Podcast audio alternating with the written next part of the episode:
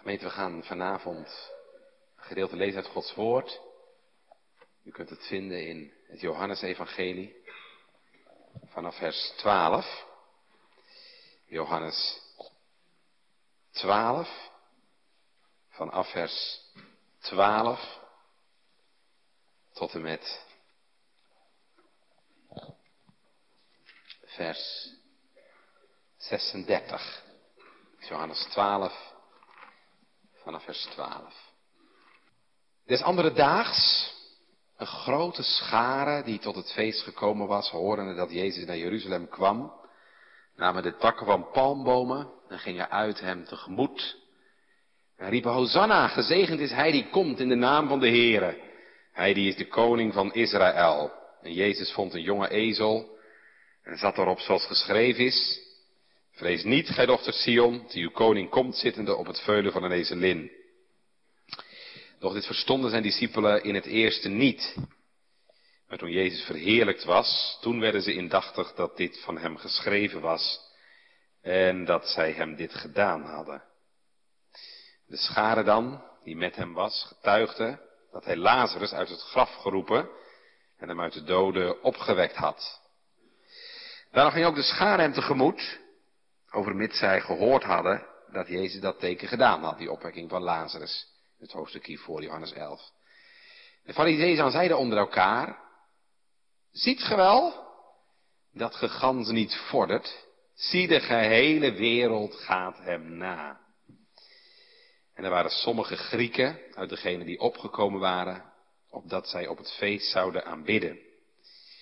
Deze dan gingen tot Filippus, die van Bethsaida in Galilea was, en baden hem zeggende, Heer, wij wilden Jezus wel zien. Filippus kwam en zei het Andreas, en Andreas en Filippus wederom zeiden het Jezus.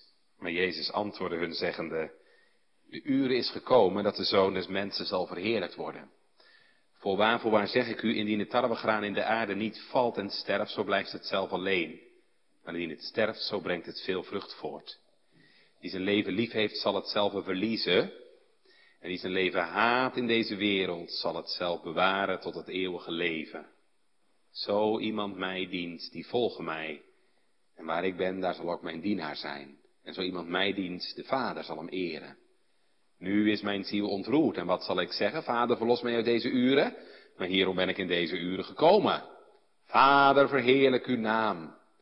En kwam dan een stem uit de hemel zeggende, heb hem verheerlijkt en ik zal hem wederom verheerlijken. De schare dan die daar stond en dit hoorde, zei dat er een donderslag geschied was. Anderen zeiden, een engel heeft tot hem gesproken. Jezus antwoordde en zei, niet om mijnentwil is deze stem geschied, maar om uw wil. Nu is het oordeel van deze wereld. Nu zal de overste van deze wereld buiten geworpen worden. En ik, zo wanneer ik van de aarde zal verhoogd zijn, zal ze alle tot mij trekken. En dit zei hij betekenende hoedanige dood hij sterven zou. Schade antwoordde hem, wij hebben uit de wet gehoord dat de Christus blijft in der eeuwigheid. Toen zegt u dan dat de zoon des mensen moet verhoogd worden. Wie is deze zoon des mensen? Jezus dan zei tot hen, nog een korte tijd is het licht bij u. Wandel terwijl gij het licht hebt, opdat de duisternis u niet bevangt. En die in de duisternis wandelt, weet niet waar hij heen gaat. Terwijl gij het licht hebt, geloof in het licht, opdat gij kinderen van het licht moogt zijn. Deze dingen sprak Jezus en weggaande verborg hij zich voor hen. Gemeente, we willen vanavond eh, stilstaan bij het gedeelte vanaf vers 20. En ik neem als kerntekst vanavond vers 23. Vers 23 en vanuit daar gaan we verder het gedeelte in. Vers 23, maar Jezus antwoordde hun zeggende, de uren is gekomen dat de Zoon des Mensen zal verheerlijkt worden. Gemeente, het uur is gekomen. Dat is het thema voor de preek. En we staan daarbij stil aan de hand van een viertal gedachten. We letten in de eerste plaats op het moment van dit uur. Het is het moment waarop Jezus dit zegt. Onze eerste gedachte, het moment van dit uur. We letten in de tweede plaats op de prijs voor dit uur. Want we lezen in vers 24, alleen als het tarwegraan sterft, kan het vrucht voortbrengen. Dat is de prijs voor dit uur. We letten in de derde plaats op het opzien tegen dit uur. Vers 27, nu is mijn ziel ontroerd. En we letten tenslotte op het gevolg van dit uur. Vers 32. En ik, zo wanneer ik van de aarde zal verhoogd zijn, zal hen allen tot mij trekken. Het uur is gekomen. Moment van dit uur. Prijs voor dit uur. Het opzien tegen dit uur. En het gevolg van dit uur. Gemeente, 5 juni 1944 was een bijzondere dag. Ik weet niet hoe goed u de geschiedenis kent, maar 5 juni 1944 was de dag dat generaal Dwight Eisenhower bevel gaf voor de start van operatie Overlord. Beter bekend als D-Day. De landing in Normandië. En wij weten achteraf, ja, dat is eigenlijk het begin geweest van de bevrijding van Europa. En toen die mensen daar in Normandië die eindeloze stroom van vliegtuigen en boten zagen, wisten zij dat hun bevrijding was begonnen. Die day. Begin van de bevrijding. We zien vanavond gemeente Johannes 12 dat de Heer Jezus ook zo'n moment heeft gehad. Zo'n D-Day moment. Moment dat hij wist, en nu is het zover. Nu gaat het beginnen. De uren, lezen we in onze tekst, is gekomen.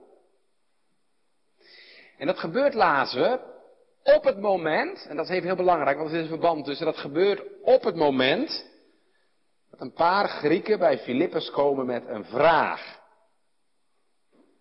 Nou, dat is het eerste. Laten we even bij stilstaan. Het moment van dit uur. In Johannes 12, het gedeelte dat we net gelezen hebben, is Jezus aangekomen in Jeruzalem. Het is de week van Pasen. En als je even terugkijkt, dan zie je aan het begin hè, dat de Heer Jezus een paar dagen geleden is gezalfd door Maria. Zij heeft de Heer Jezus aangewezen als de gezalfde, de Messias, hè, die door God is gezalfd tot profeet, priester en koning. En dan lees je vervolgens vanaf hoofdstuk 12, hè, Palmzondag, de intocht in Jeruzalem. Jezus wordt enthousiast binnengehaald door een grote schare die verwachtingsvol uitkijkt naar het moment dat hij ja, zich als de Messias zal openbaren en grote dingen gaat doen in Jeruzalem. Hij wordt luid toegejuicht, u kent de geschiedenis. Dat leidt er dan toe in vers 19 dat de fariseeën tegen elkaar hoofdschuddend zeggen, zie je wel dat we niks vooruitkomen? De hele wereld loopt hem achterna. Wat dan vervolgens ook letterlijk in vervulling gaat. Als we in vers 20 lezen dat er enkele Grieken zijn die graag Jezus willen zien. Grieken. Heidenen dus. Het zijn weliswaar gelovige heidenen. want ze hebben belangstelling voor het Joodse geloof. Staat er ook nadrukkelijk, ze zijn opgekomen om op het feest, op het paasfeest te aanbidden. Maar toch, het zijn heidenen. Grieken. We weten niet goed waarom ze Jezus graag willen zien. Misschien zijn ze nieuwsgierig hè, vanwege alles wat ze in Jeruzalem de afgelopen dagen over hem gehoord hebben na zijn intocht. Of misschien zijn ze ook wel dankbaar hè, dat Jezus het een paar dagen geleden expliciet voor de heiden heeft opgenomen. Hè, door de geldwisselaars en de handelaars uit het voorhof der heidenen te verdrijven want mijn huis zal een huis van gebed zijn voor alle volken. Of leeft er in hun hart misschien wel een vermoeden, besef dat hij de Messias is? We weten het niet gemeente, maar wat we wel weten, er is in hun hart een verlangen om Jezus te zien. Mag ik eens vragen, ben je zo vanavond ook naar de kerk gekomen? Gemeente, was vandaag uw gebed en verlangen?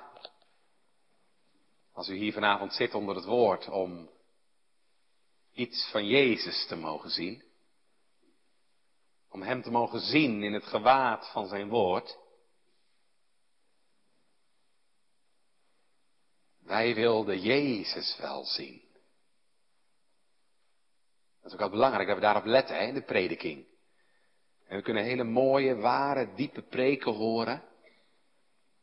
Keurige preken waar geen speld misschien is tussen te krijgen, maar wordt Jezus er ook in gezien? als ik dit tekstgedeelte lees, u kent het misschien wel als het boekje De Enge Poort van Spurgeon, wat eens gelezen hebben rondom de Enge Poort. Spurgeon het prachtige verhaal vertelt hè, van die uh, gemeenteleden die onder nogal wat schrale prediking verkeerden. En op een dag waar hun dominee op de preekstoel een briefje legde. Met daarop deze woorden uit Johannes 12, vers 21, de laatste woorden. Heer, wij wilden Jezus wel zien. Wee de dominee die wel preekt, maar die u Christus niet laat zien. En gelukkig ben je gemeente als dat je verlangen is geworden. Wij wilden Jezus wel zien. En met die vraag gaan ze dus, vers 21, naar Filippus. Een van de discipelen. blijkbaar durven ze niet zomaar rechtstreeks op Jezus af te stappen. want ja, Joden en heidenen liggen natuurlijk gevoelig, hè, als heidenen zomaar een Joodse rabbi benaderen. Dat ligt gevoelig en daarom proberen ze het maar via zijn discipelen. En dan met name Filippus. Die vraagt hij af waarom uitgerekend Filippus. Ja, dat weet ik ook niet goed. Het zou kunnen dat het met zijn naam te maken heeft, want Filippus is een Griekse naam, dus waarschijnlijk sprak hij ook Grieks. Hoe dan ook, samen met Andreas vertelt Filippus het aan Jezus. En dat is dus het moment dat Jezus zegt, de uren is gekomen. Dus dat deze Grieken naar hem vragen, is voor Jezus het moment dat die day is begonnen. Dat zijn lijden gaat beginnen. Het tot nu toe was het nog steeds, mijn uren is nog niet gekomen. Leest u maar, Johannes 2, de bruiloft in Cana. Zegt hij tegen Maria, vrouw, mijn uren is nog niet gekomen. In Johannes 7 proberen ze de Heer Jezus in de tempel te pakken te krijgen. Maar lees je weer, maar niemand sloeg de hand aan hem, want zijn uren was nog niet gekomen. Maar nu dus hier in Johannes 12, mijn uren is gekomen. Vraag van deze Grieken is voor de Heer Jezus het teken dat die day voor de deur staat. Dat de grote bevrijding gaat beginnen. Ik reed net in Sliedrecht, oude woonplaats. En uh, overal in de dermen zag ik de narcissen al bloeien. Nou ja, je weet als de narcissen gaan bloeien, dan is de lente dichtbij. Teken dat de lente dichtbij is. En zo weet Jezus hier. Als de heidenen naar hem gaan vragen, is het moment van zijn verheerlijking nabij gekomen. En u zegt waarom dan? Waarom is dat voor hem het teken dat zijn verheerlijking dichtbij is gekomen? Heel eenvoudig gemeente, omdat dat nou precies is wat zijn vader hem beloofd heeft. Psalm 2. Ik zal de heidenen geven tot uw erfdeel en de einden der aarde tot uw bezitting. Dat had de Heer al beloofd aan Abraham. Hè? Abraham, in uw zaad, in uw nageslachten, dat slaat op Christus, zullen alle geslachten van de aarde gezegend worden. Of denk aan de profeet Jezaja, Jezaja 49. Ik heb u ook gegeven tot een licht voor de heidenen, om mijn heil te zijn tot aan de einden der aarde. En als dan hier de heidenen gaan vragen, zoals diezelfde Jezaja zegt, de heidenen gaan vragen naar de wortel van Isaïe, dan weet Jezus, nu is het moment gekomen dat ik mijn leven af ga leggen, niet alleen voor Joden, maar ook voor heidenen. Want gemeente, als de heidenen hem willen zien, als heidenen tot hem willen komen, als heidenen hem in waarheid willen kennen, wie hij werkelijk is, de zaligmaker, de redder der wereld, dan weet Jezus dat zal alleen maar kunnen als ik mijn leven geef. En dat is het volgende wat we zien, onze tweede gedachte. De prijs voor dit uur. Ik heb iets gezegd over het moment van dit uur. Letten we in de tweede plaats gemeente op de prijs voor dit uur. Dan lees ik even verder. In vers 24. Voorwaar, amen, amen, zeg ik u.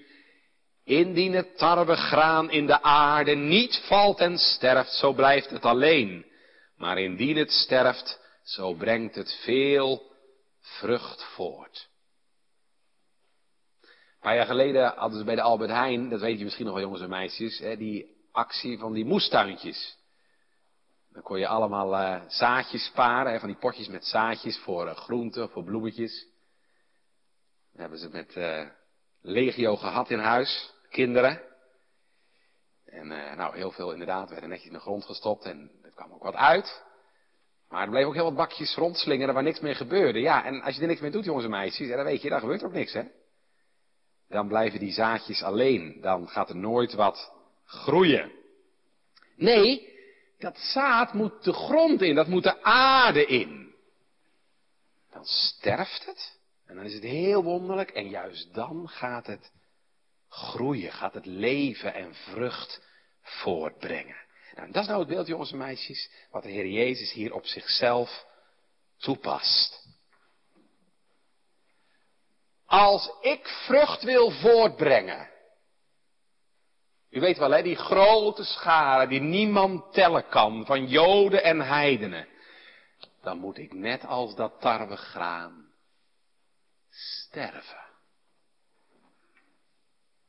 Nou, dat is natuurlijk wel heel wat anders dan wat de discipelen gedacht en verwacht hadden. Nadat Jezus een paar dagen geleden Jeruzalem binnentrok. de atmosfeer zindert. De, de, de verwachtingen zijn hoog gespannen. En nou zegt Jezus, ja maar dit is de weg die voor mij ligt. Sterven. Mijn leven afleggen. Zo alleen kunnen de heidenen toegebracht. Zo alleen kan die grote oogst er komen. Het is altijd weer, hè, die wonderlijke paradox van het koninkrijk van God, hè. Leven komt alleen door de dood. Winst komt alleen door verlies. Het tarwegraan moet sterven. Als het niet in de aarde valt en sterft, blijft het alleen. Het moet, gemeente. Die zegt, waarom dan? Die grote oogst, ik zeg het nog een keer, kan er alleen maar komen als hij zijn leven geeft tot een verzoening. Zoals het ook voorzegt, hè? Als zijn ziel zich tot een schuldoffer gesteld zal hebben, dan zal hij zaad zien, nageslacht. En dat betekent dus ook alleen als hij zijn ziel tot een schuldoffer gesteld zal hebben, zal hij zaad zien. Die grote oogst, die vele vrucht, waar de Heer Jezus over spreekt, hè, in vers 24, die kan er alleen zijn door de dood van de Zoon van God. Jij en ik kunnen alleen verzoend worden met God door de dood van Christus. Een andere weg is er niet. Denkt u echt gemeente dat God de Vader, u hebt vanmorgen gehoord hè, zijn kind zo zou hebben laten kruipen door de hof. Hem zo diep zou hebben laten vernederen. Door zulke angst en pijn zou hebben laten gaan als het ook anders had gekund. Nee, er is geen andere weg. Want u en ik, gemeente, wij hebben het recht op leven verspeeld. Onze zonden verdienen naar Gods rechtvaardig oordeel de dood, de tijdelijke en de eeuwige dood. Gelooft u dat? Besef je, gemeente, en geloof je dat je naar het rechtvaardig oordeel van God de dood hebt verdiend. Ik geloof dat God daar in het leven van het geloof zijn kinderen daar brengt. Je dat gaat beseffen en inzien en van harte geloven. En dan ga je ook beseffen waarom Christus deze weg moest gaan. Er is voor mij geen bevrijding van Gods oordeel. Als Christus niet in mijn plaats dat oordeel op zich neemt en de dood sterft. In dat stervende tarwegaan zien wij vanavond gemeente dat er geen andere manier is om weer tot God te komen, om weer met God verzoend te raken, dan door de dood van zijn zoon. Wat een immens grote en hoge prijs. En dat weet Jezus gemeente. Hij weet nu al in Johannes 12 wat hem de komende dagen te wachten staat. En nog even. En zoals een graankorrel in de donkere aarde ligt, zal Jezus in het donker van het graf liggen. Een verbrijzeld tarwegraan. Vermalen tussen de maalstenen van Gods recht. En als Jezus dat beseft en dat tot hem doordringt, gemeente, dan grijpt een diepe huivering en een diepe ontroering hem aan. Als hij zegt, lees even mee vers 27, nu is mijn ziel ontroerd.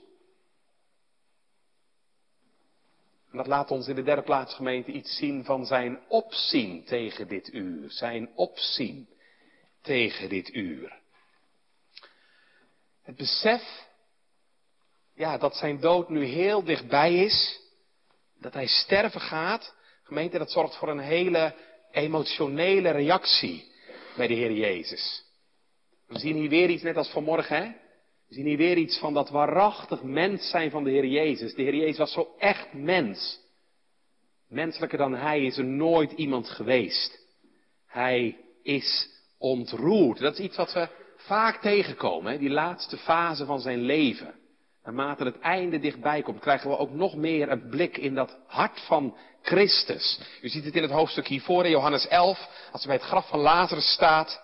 Hij werd zeer bewogen in de geest en ontroerde zichzelf, staat er dan. En je ziet het volgende hoofdstuk weer, hè? Johannes 13, vers 12 of vers 21, als, als Judas en zijn eigen discipel, zijn eigen vriend en metgezel hem gaat verraden, we weer dat woord. Jezus werd ontroerd in de geest.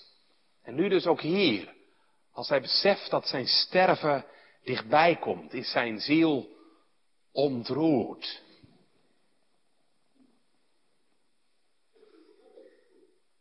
Hoe zou u reageren, gemeente, als, als u wist dat u nog een paar dagen te leven had? Ik herinner mij mijn grootvader. Echte zeeuw, gesloten, weinig emotie. Maar de dokter zei hem, je hebt nog drie weken te leven. En we vonden hem huilend in het schuurtje achter het huis. Hoe zou je reageren als je weet dat je binnen een paar dagen de wereld en het leven en je geliefde achter moet laten? Hoe zou je reageren als je weet dat je een hele moeilijke, pijnlijke, intense dood zult sterven. En toch gemeente moet ik nou zeggen, dat is niet de diepste reden van deze ontroering van Christus. Het is niet zozeer, laten we dat heel helder stellen vanavond, het is niet zozeer het lichamelijke lijden, de fysieke pijn die hem zo ontroert, al is dat natuurlijk heel begrijpelijk als dat zo zou zijn. We moeten toch zeggen, het is iets anders. Het is gemeente alsof er ineens een donkere schaduw over hem heen valt. Als hij zijn naderende dood beseft. En je vraagt je af waarom, Heer? Waarom bent u zo ontroerd? U die altijd zo rustig was en zo kalm. Jezus, gemeente, die zelfs kan slapen in een kolkende zee. Omdat hij zich veilig weet in de bescherming en de zorg van de Vader. Waarom is hij zo ontroerd? Precies hetzelfde gemeente wat u vanmorgen hebt gehoord. Precies hetzelfde wat er gebeurt straks in Gethsemane. Jezus ziet hier al iets van de drinkbeker die naar hem toekomt. Dus wat hem ontroert gemeente is niet zozeer zijn lichamelijke lijden, maar het lijden van zijn ziel, het geestelijke lijden dat hem te wachten staat. Jezus ziet ineens de schaduw van die drinkbeker over zich heen vallen. Die drinkbeker tot de rand toe gevuld met de toren van God tegen de zonde van de mensen. Dat is wat hem zo beangstigt. Jezus gemeente die nooit zonde heeft gehad of gedaan. Die volmaakt zuiver is voor God. Wordt zometeen tot zonde gemaakt en daarmee het voorwerp van de vloek en de toorn van de Vader. Jezus die onschuldig is. De schuld wordt hem aangerekend, toegerekend. De Heere heeft ons aller ongerechtigheid. En hoeveel is dat niet, gemeente? De Heer heeft ons aller ongerechtigheid op Hem doen aanlopen. Jezus ziet een tsunami op zich afkomen. Hij voelt een orkaan opsteken. Hij ziet de lucht donker worden. En het knijpt hem de keel dicht. Diezelfde angst, zoals u vanmorgen hoorde, die hem deed uitroepen. Mijn ziel is geheel bedroefd tot de dood toe. Want gemeente, wie kent de sterkte van uw toren en uw verbolgenheid nadat gij te vrezen zijt? Want vreselijk is het om te vallen in de handen van de levende God. Dat geldt voor ons gemeente, maar dat geldt ook voor de Zoon van God. Vreselijk is het te vallen in de handen van de levende God. En dat is wat hem te wachten staat. Het is niet de pijn van de geesteling. Het is niet het verdriet dat je verlaten wordt door je vrienden. Het is niet zozeer de spot en de smaad en de eenzaamheid die hem te wachten staat. Nee, het is die frons op het aangezicht van zijn lieve vader. Het is die wolk die tussen hem en de vader schuift. Het is die nameloze eenzaamheid. Als hij straks losgelaten wordt door de enige die hem altijd vastgehouden heeft, zelfs in de storm op het meer. Altijd daar de Vader, in zijn zorg en zijn liefde en zijn nabijheid. En dat is straks weg. Nu is mijn ziel ontroerd. Wat zien wij hier? Wij zien in dit opzien en in deze angst van Christus de ernst van onze zonde, gemeente. Want het zijn onze zonden, uw en mijn zonden, die hem zo ontroerd, zo verbijsterd, zo verward doen zijn. En ik zou u vanavond willen zeggen, als u het uit de wet niet wil geloven, geloof dan uit het evangelie de ernst van uw zonde. En zie vanavond en vanmorgen in de angst en de verbijstering van Jezus. Wat onze zonden met Hem gedaan hebben. Opdat je je zult verootmoedigen voor God. En je zonde zult haten uit de grond van je hart. En je zonde voor God zult beleiden. Voordat u ondergaat wat Christus hier ondergaat. Wat moet ik ook zeggen gemeente? In deze ontroering van Jezus Ziet u wat ons te wachten staat, als wij op zo'n grote zaligheid geen acht geven? Als wij aan deze zaligheid en deze zaligmaker voorbij gaan. Want als dit geschieden aan het groene hout, wat denkt u dan gemeente dat er met het dorre hout geschieden zal? Als God de Vader zelfs zijn eigen zoon niet gespaard heeft, toen hij de zonde droeg. Denk jij dan dat hij jou zal sparen als jij straks voor hem staat met al je zonden? Vreselijk is het om te vallen in de handen van de levende God. En tegelijkertijd gemeente. Wat schittert in deze ontroering van Jezus ook zijn nameloze liefde. Als u de Heere vreest, dan mag u in die angst en die ontroering van Jezus de liefde zien die Christus voor u had. Dat hij u zo lief had dat hij voor u beangst wilde zijn. Dat hij liever die angst droeg dan dat u hem zou moeten ondergaan. Ik voor u. Daar u anders de eeuwige dood had moeten sterven. Wat schittert hier zijn liefde. Voor zijn kinderen. En wat schittert hier ook, gemeente, dat wil ik er ook van zeggen. Wat schittert hier ook zijn liefde tot de Vader. Hoezo? Nou kijk eens. Nog zwaarder hè, dan zijn eigen angst. Nog zwaarder dan zijn eigen opzien. Weegt voor hem de Vader en de wil van de Vader. Dat de Vader verheerlijkt wordt. Kijk maar wat hij zegt, hè. Vers um,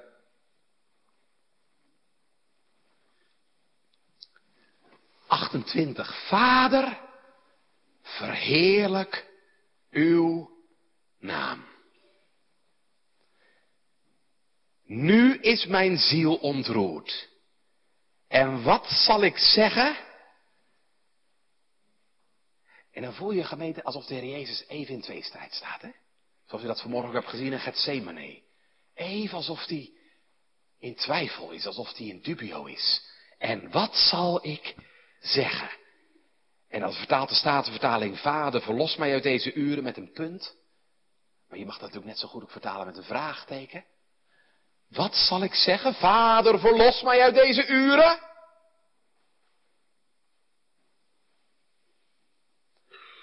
Zal ik dan toch niet maar bidden om verlossing?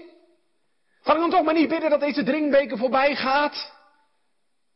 Ja, maar daarom ben ik toch in de wereld gekomen. Hierom ben ik in deze uren gekomen. En net zoals u vanmorgen hoorde wat hij in Gethsemane bad, hè. Toch niet mijn wil, maar uw wil geschieden. Zegt hij het ook hier, hè, in vers 28. Vader, verheerlijk uw naam. Dat is wat ik wil, dat is wat ik verlang, dat is wat ik begeer. Dat uw naam verheerlijkt wordt. Ook als het niet anders kan, vader, dan langs deze weg. En we hebben gezien, gemeente, het kon niet anders. Alleen door zijn ziel tot een schuldoffer te stellen.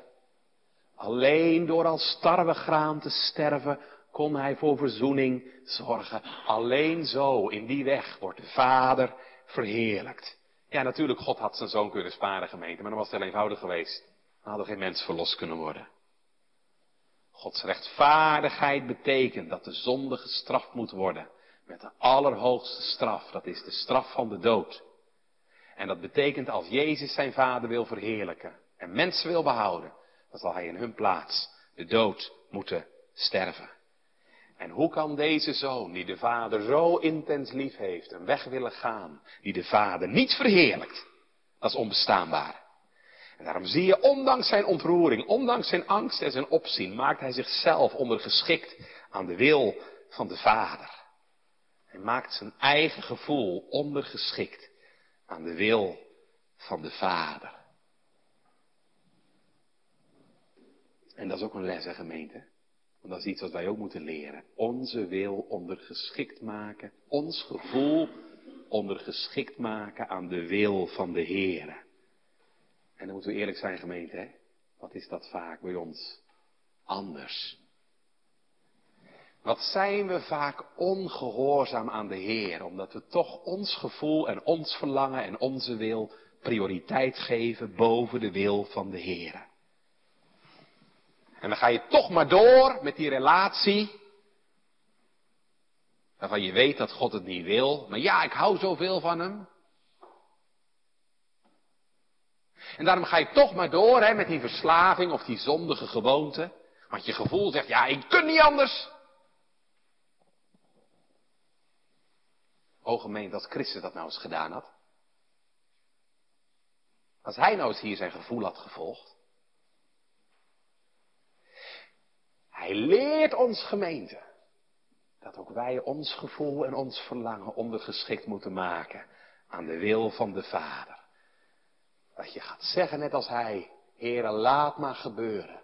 Waardoor uw naam het meest verheerlijkt wordt. Wat die weg dan ook is. Heren, als mijn ziek zijn u meer verheerlijkt dan mijn gezondheid. Laat mij dan maar ziek zijn.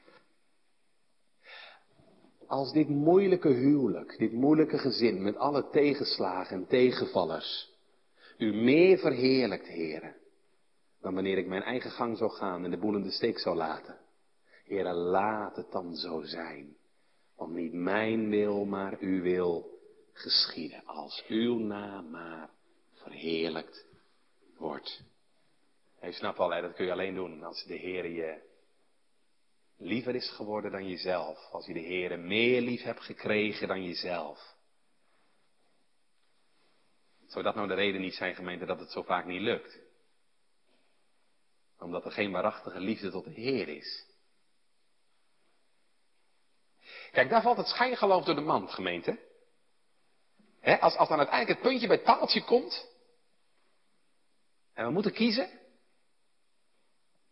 Dan kunnen we met hele vrome woorden omheen draaien. Kiezen we uiteindelijk toch voor onszelf. Tenzij u door Gods genade de Heer en zijn wil liever hebt gekregen dan uzelf. Nou, zo was het bij de Heer Jezus. Hij had zijn vader lief boven alles. Hij had zijn naaste lief als zichzelf. En daarom kon hij en voor de vader en voor zijn naaste zijn eigen wil en verlangen opgeven. Als de vader maar verheerlijkt zou worden. Als zijn kinderen maar gered en behouden zouden worden. En dat heeft hem alles gekost. Maar gemeente, al heeft hem dat alles gekost, het heeft hem ook heel veel opgeleverd. Want als het tarwegraan sterft, dat zegt hij ook, zo brengt het veel vrucht voort. En dat brengt me op onze laatste gedachte. Als we nog een ogenblik letten op het gevolg van dit uur. Het gevolg van dit uur. En dan ga ik even met u naar vers 32. Lees even mee. En ik, zo wanneer ik van de aarde zal verhoogd zijn, zal hen allen tot mij trekken. Ja, wat een heerlijke, bijzondere tekst is dat. Een paar weken geleden is er een uh, boek van de Schotse schrijver Samuel Rutherford, nieuw uitgegeven, vertaald. Ik meen dat Rutherford wel een stuk of veertig preken over deze ene tekst heeft. Christus stervende zondaars tot zich trekkend. En zo wanneer ik van de aarde zal verhoogd zijn, zal hen allen tot mij trekken. Wanneer? Als hij verhoogd is. En dan moet je even begrijpen, verhoogd heeft hier een dubbele lading. Zie je vaker bij Johannes. En woorden hebben vaak een dubbele betekenis, hè. Johannes 4, de Samaritaanse vrouw, die vraagt naar water. Jezus heeft het over levend water. Johannes 3, Nicodemus heeft het over geboren worden, maar Jezus heeft het over opnieuw geboren worden. Niet door in de buik van je moeder opnieuw in te gaan, maar door uit de geest geboren te worden. Woorden hebben bij Johannes vaak een dubbele lading en het zit ook in het woordje verhoogd. Um, als wij het over de verhoging van de Heer Jezus hebben, denken wij natuurlijk vaak aan zijn hemelvaart. En zij zit aan de rechterhand van God. Straks, met de hemelvaart, wordt Jezus verhoogd aan de rechterhand van de Vader. Maar gemeente, die verhoging slaat ook nog op iets anders. Dat staat er ook bij, hè, trouwens, in vers 33. En hij zei dit, betekenende hoedanige dood hij sterven zou. Die verhoging slaat ook op het kruis. Nog een paar dagen en hij wordt inderdaad verhoogd, omhoog getrokken. Als die soldaten dat kruis met Jezus eraan omhoog trekken, wordt hij verhoogd. Zoals hij dat al eerder had gezegd in Johannes 3. Zoals Mozes de koperen slang verhoogd heeft in de woestijn. Zo moet de zoon des mensen verhoogd worden aan het kruis. En door die tweeërlei verhoging, hè, verhoogd aan het kruis aan de ene kant en straks verhoogd aan de rechterhand van de Vader, zal hij straks allen tot zich trekken. En daarin zien we gemeente iets van de overwinning van Christus, hè, de toekomstige overwinning van Christus. Als straks het kruis achter de rug is, als straks hij verhoogd is aan de rechterhand van de Vader, zal hij van de Vader alle macht krijgen in de hemel en op de aarde. Hij heeft de Vader verheerlijkt. Door gehoorzaam te zijn tot in de dood van het kruis, door als een tarwegraan te sterven. En straks zal de Vader hem verheerlijken. We horen het hem zeggen in Johannes 17. Ik heb u verheerlijkt op aarde, verheerlijk nu mij. En dan lezen we in Johannes 17 dat hij straks alle macht zal hebben over alle vlees. De Vader geeft de macht over alle vlees, zodat als hij straks verhoogd is, ook allen tot zich kan trekken. Ziet u het verband? Omdat Christus de Vader heeft verheerlijkt door als een tarwegraan te sterven, krijgt hij straks van de Vader de macht over alle vlees. Zodat hij straks die scharen die niemand kan tellen, tot zich kan trekken. Trekken uit de duisternis tot zijn wonderbaar licht. Uit de macht van de Satan tot God. En ik, zo wanneer ik van de aarde zal verhoogd zijn, zal hen allen tot mij trekken. Allen, zeg je, wie zijn dat? Allen. Alle mensen? Nee, dat betekent het niet, dat weet je ook wel. want niet alle mensen komen tot Christus. Niet alle mensen worden tot Christus getrokken. Wie dan wel? Oh, dat antwoord heeft hij zelf gegeven, een paar hoofdstukken later, in Johannes 17. Al wat de Vader mij gegeven heeft, zal tot mij komen. dus alle die de Vader hem gegeven heeft, die zal hij tot zich trekken. En zoals nu vandaag deze Grieken tot hem komen, zo zullen er straks velen komen. Overal vandaan. Uit Amerika, uit Australië, uit Waarder. En dan kan niets hem beletten, dan kan niets hem weerhouden om zijn kinderen tot zich te trekken. Want mij is gegeven alle macht in de hemel en op de aarde. En daarom gemeente trekt hij ze overal vandaan. Uit de wereld de een, uit de zonde de ander, uit de verslaving een volgende, uit de angst en de wanhoop. Hij trekt ze naar zich toe. Of je nou Paulus heet, ik las het van de week nog in de kinderbijbel, vol vijandschap tegen Jezus. Als Jezus je trekt, gemeente, is er geen houden meer aan. Waar je ook zit, waar je ook bevindt, sprak pas een man die helemaal in de homo-scene leefde in Amsterdam. Totaal onkerkelijk opgevoed. Nooit een kerk van binnen gezien. Hij was een van de organisatoren van de Gay Pride in Amsterdam 1998. Woonde en leefde in Amsterdam. Fulltime daarmee bezig. Op een zondagmorgen, ik meen in de Jordaan, stapte hij in kerk binnen, een Molukse kerk of zo. Zomaar uit nieuwsgierigheid. En hij hoort het woord. En het was raak. En God trok hem uit die duistere wereld tot zichzelf. Nu mag deze man getuigen hoe Christus, een buitenstaander, man helemaal levend in de zonde, vrijgemaakt heeft van alle de macht van de zonde. Dat doet de Heer ook vandaag, gemeente. Dat zijn geen verhaaltjes van vroeger of zo. Dat doet de Heer die ook gewoon vandaag. Heb u kinderen waarover u wanhoopt? U mensen waarvan u denkt, dat kan nooit toch wat worden. O, twijfel toch niet aan de macht van Jezus. Wat zou ooit zijn macht beperken? Het heelal staat onder zijn gebied. Hij heeft alle macht van de Vader gekregen.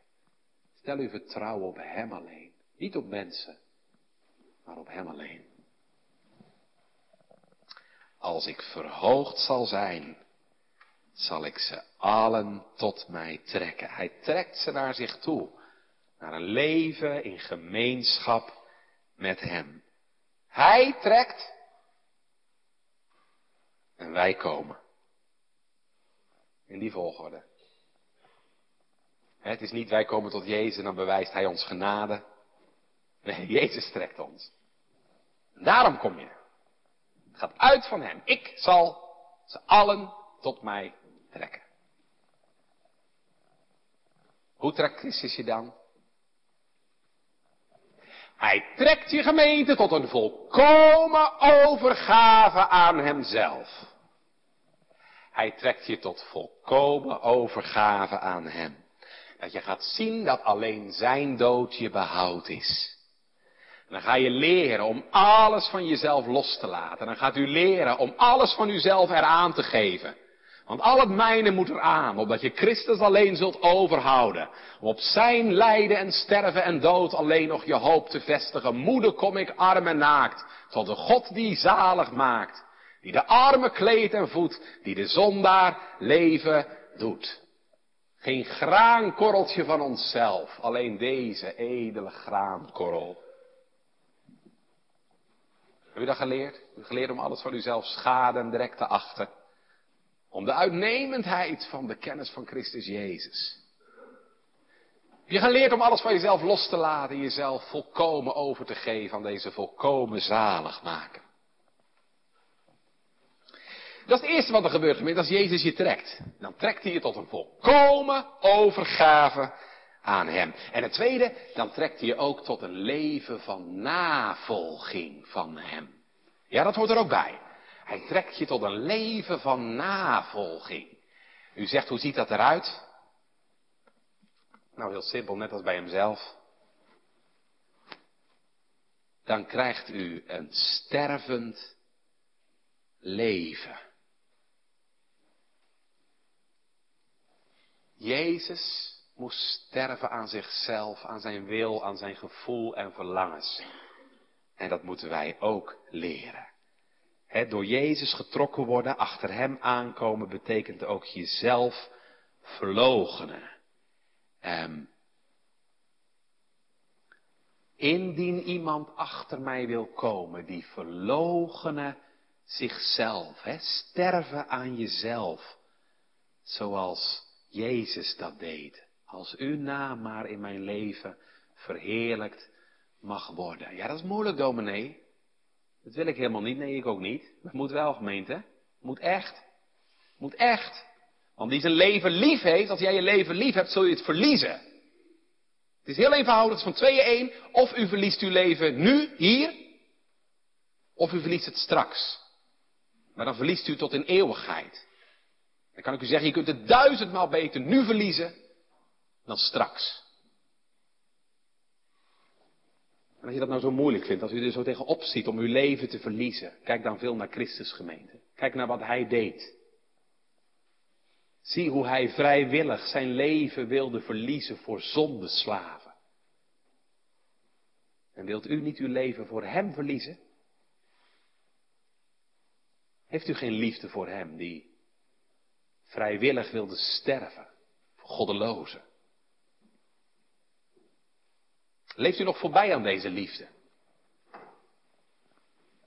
Blijft u doorgaan met voorbij te gaan aan deze grote zaligheid, aan deze grote zaligmaker? Gemeente, als u aan dit offer voorbij gaat, als u aan deze angst en pijn en ontroering en tranen en eenzaamheid van Christus voorbij gaat, als u aan deze liefde van de zaligmaker voorbij gaat, omdat u liever uw oude leven wilt voortzetten, omdat u liever vasthoudt aan uw eigen leven. Ja, dan verdient u het ook dat u het verliest. Maar nou zegt hij ook vanavond. Vers 25. Die zijn leven lief heeft, zal het verliezen. Maar die zijn leven haat in deze wereld. Haten wil hier zeggen, hè? Ondergeschikt achten aan de Heer Jezus, Hem de eerste plaats geven, Hem de prioriteit geven en jezelf ondergeschikt daaraan maken, die zijn leven haat in deze wereld, die zal het bewaren tot in het eeuwige leven. Ik was vanmorgen even bij dominee Den Oude in Katwijk. We lazen samen even in het dagboek van Jim Elliot. Jim Elliot, de grote zendeling, die ook vermoord is door de Auca-Indianen toen hij het evangelie daar bracht. Ze hadden geweren bij zich, ze hadden zich kunnen verdedigen, maar ze deden het niet. In navolging van de Heer Jezus lieten ze zich vermoorden. 29 jaar oud, een jong gezin. Is dat niet dwaas? Om zoveel voor de Heer op te geven. Van je talenten, van je toekomst. Weet je wat hij opschreef in zijn dagboek, door een oude liet het me zien vanmorgen? Je bent geen dwaas. Als je loslaat wat je toch niet vast kunt houden. En zo wint wat je nooit meer verliezen kunt. Je bent geen dwaas als je loslaat wat je toch niet vast kunt houden. Dit leven, dit aardse leven. En zo wint wat je nooit meer verliezen kunt. Het eeuwige leven.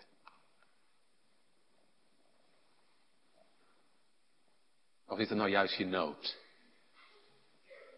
De dominee is helemaal waar wat u zegt. Ik weet dat ik alles van mezelf moet loslaten. Ik weet dat ik tot Jezus moet komen. Ik weet dat ik alleen op Hem moet bouwen. Ik weet dat ik mezelf moet verlogen. Maar hoe doe je dat? Ik weet het niet. Ik weet niet hoe het moet. Ik kan dat niet. Ik ben blij dat u dat ziet, gemeente. Echt, ik ben blij dat u dat ziet. Want inderdaad, dat kunt u ook helemaal niet. Dat kun je nooit.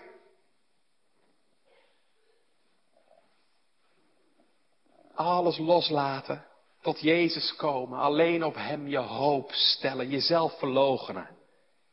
Dat kun je niet. Tenzij dat Jezus je trekt. Maar ik heb vanavond aan u laten horen, dat doet Hij. Dat doet Hij ook vandaag. En ik, zo wanneer ik van de aarde zal verhoogd zijn, zal hen allen tot mij trekken. Omdat Jezus zijn vader heeft verhoogd en verheerlijkt. Omdat hij liever zijn leven wilde verliezen dan het te behouden. Daarom gemeente kunt u zalig worden. Want nu heeft hij alle macht in de hemel en op de aarde. Ook over mij, ook over jou, ook over u. En zegt hij het.